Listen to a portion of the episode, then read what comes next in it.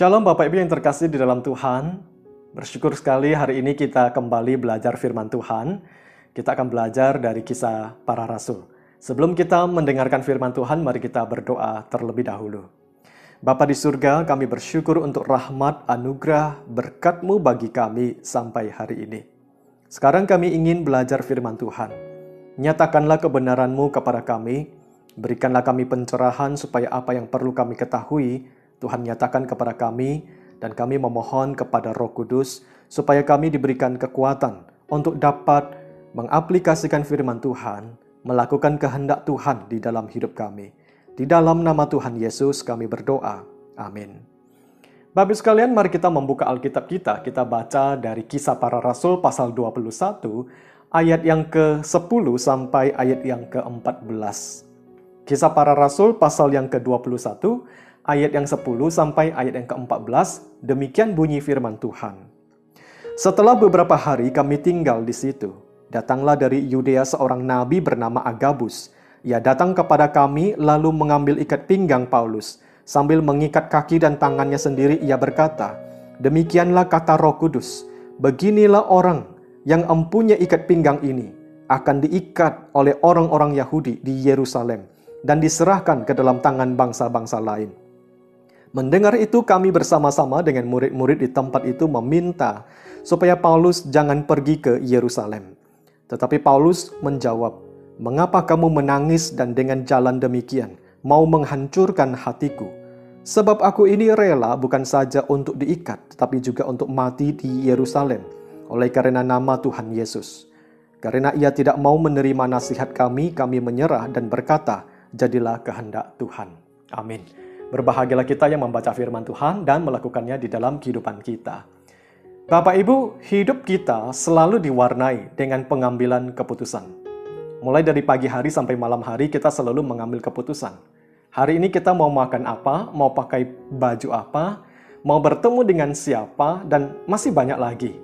Dan keputusan yang kita ambil ada keputusan yang tidak mengandung risiko, ada yang mengandung risiko sedang, dan ada yang mengandung risiko tinggi.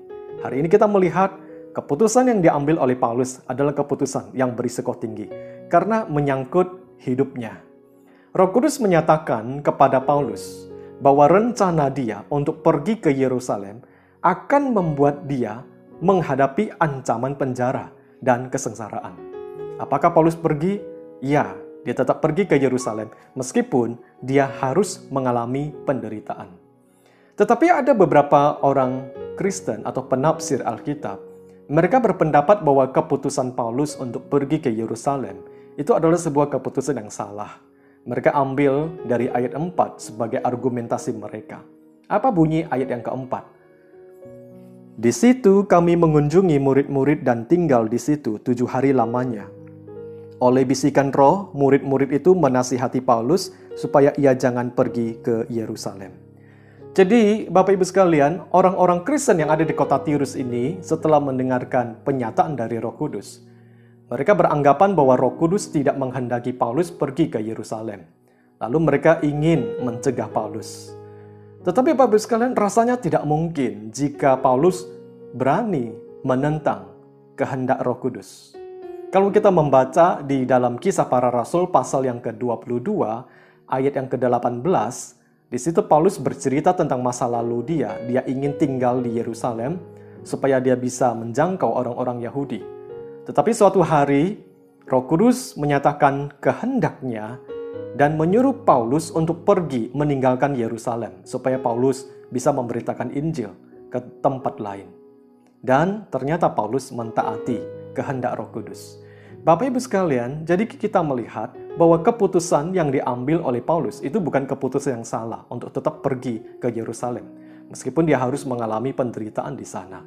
Dan penyataan Roh Kudus ini bukanlah untuk mencegah Paulus, bukan, tetapi untuk mempersiapkan hatinya menghadapi hal-hal yang mengerikan di depan matanya. Bapak Ibu sekalian, kita melihat bahwa keputusan Paulus ini untuk tetap pergi ke Yerusalem itu mendapatkan pujian dari Tuhan. Mari kita melihat di dalam pasal 23 ayat yang ke-11, bunyinya demikian. Pada malam berikutnya Tuhan datang berdiri di sisinya dan berkata kepadanya, Kuatkanlah hatimu, Sebab sebagaimana engkau dengan berani telah bersaksi tentang aku di Yerusalem, demikian jugalah hendaknya engkau pergi bersaksi di Roma. Bapak Ibu kita perhatikan bahwa kalimat dari Tuhan ini bukanlah kalimat penghakiman. Bukanlah kalimat yang mencela kesalahan Paulus. Tapi justru kata-kata Tuhan ini adalah kata-kata pujian dan juga memberikan dia motivasi, kekuatan untuk terus melanjutkan perjalanan misi dia. Bahkan harus memberitakan Injil di tempat-tempat lain, sekalipun nyawa itu menjadi taruhan. Bapak Ibu sekalian, perjalanan misi Kristen itu selalu diwarnai dengan pengambilan keputusan yang berisiko tinggi.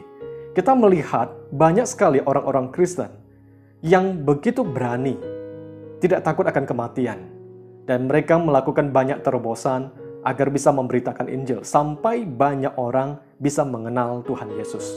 Dan kita juga tahu sepanjang sejarah gereja, banyak sekali misionaris Kristen yang telah mengorbankan nyawanya untuk memberitakan Injil sebelum satu daerah itu mendengar berita Injil. Apakah pada zaman ini masih ada orang-orang Kristen yang berani mati demi pemberitaan Injil? Apakah Bapak Ibu adalah orang yang berani mati demi pemberitaan Injil? Kiranya Tuhan memberkati kita. Mari kita berdoa. Bapa di surga, terima kasih untuk firman Tuhan yang kami baca dan kami renungkan hari ini. Kami melihat bagaimana kuasa Tuhan, kebaikan Tuhan di dalam kehidupan Paulus dan juga di dalam kehidupan kami juga, yang memberikan kami keberanian untuk bisa memberitakan Injil. Kami berdoa untuk diri kami supaya kami terus dikuatkan oleh Tuhan dan diberikan keberanian sekalipun kami harus mengalami kesulitan atau penderitaan tapi kami boleh tetap bisa memberitakan kabar baik kepada dunia ini. Inilah doa kami di dalam nama Tuhan Yesus. Kami berdoa. Amin. Tuhan Yesus memberkati kita semuanya.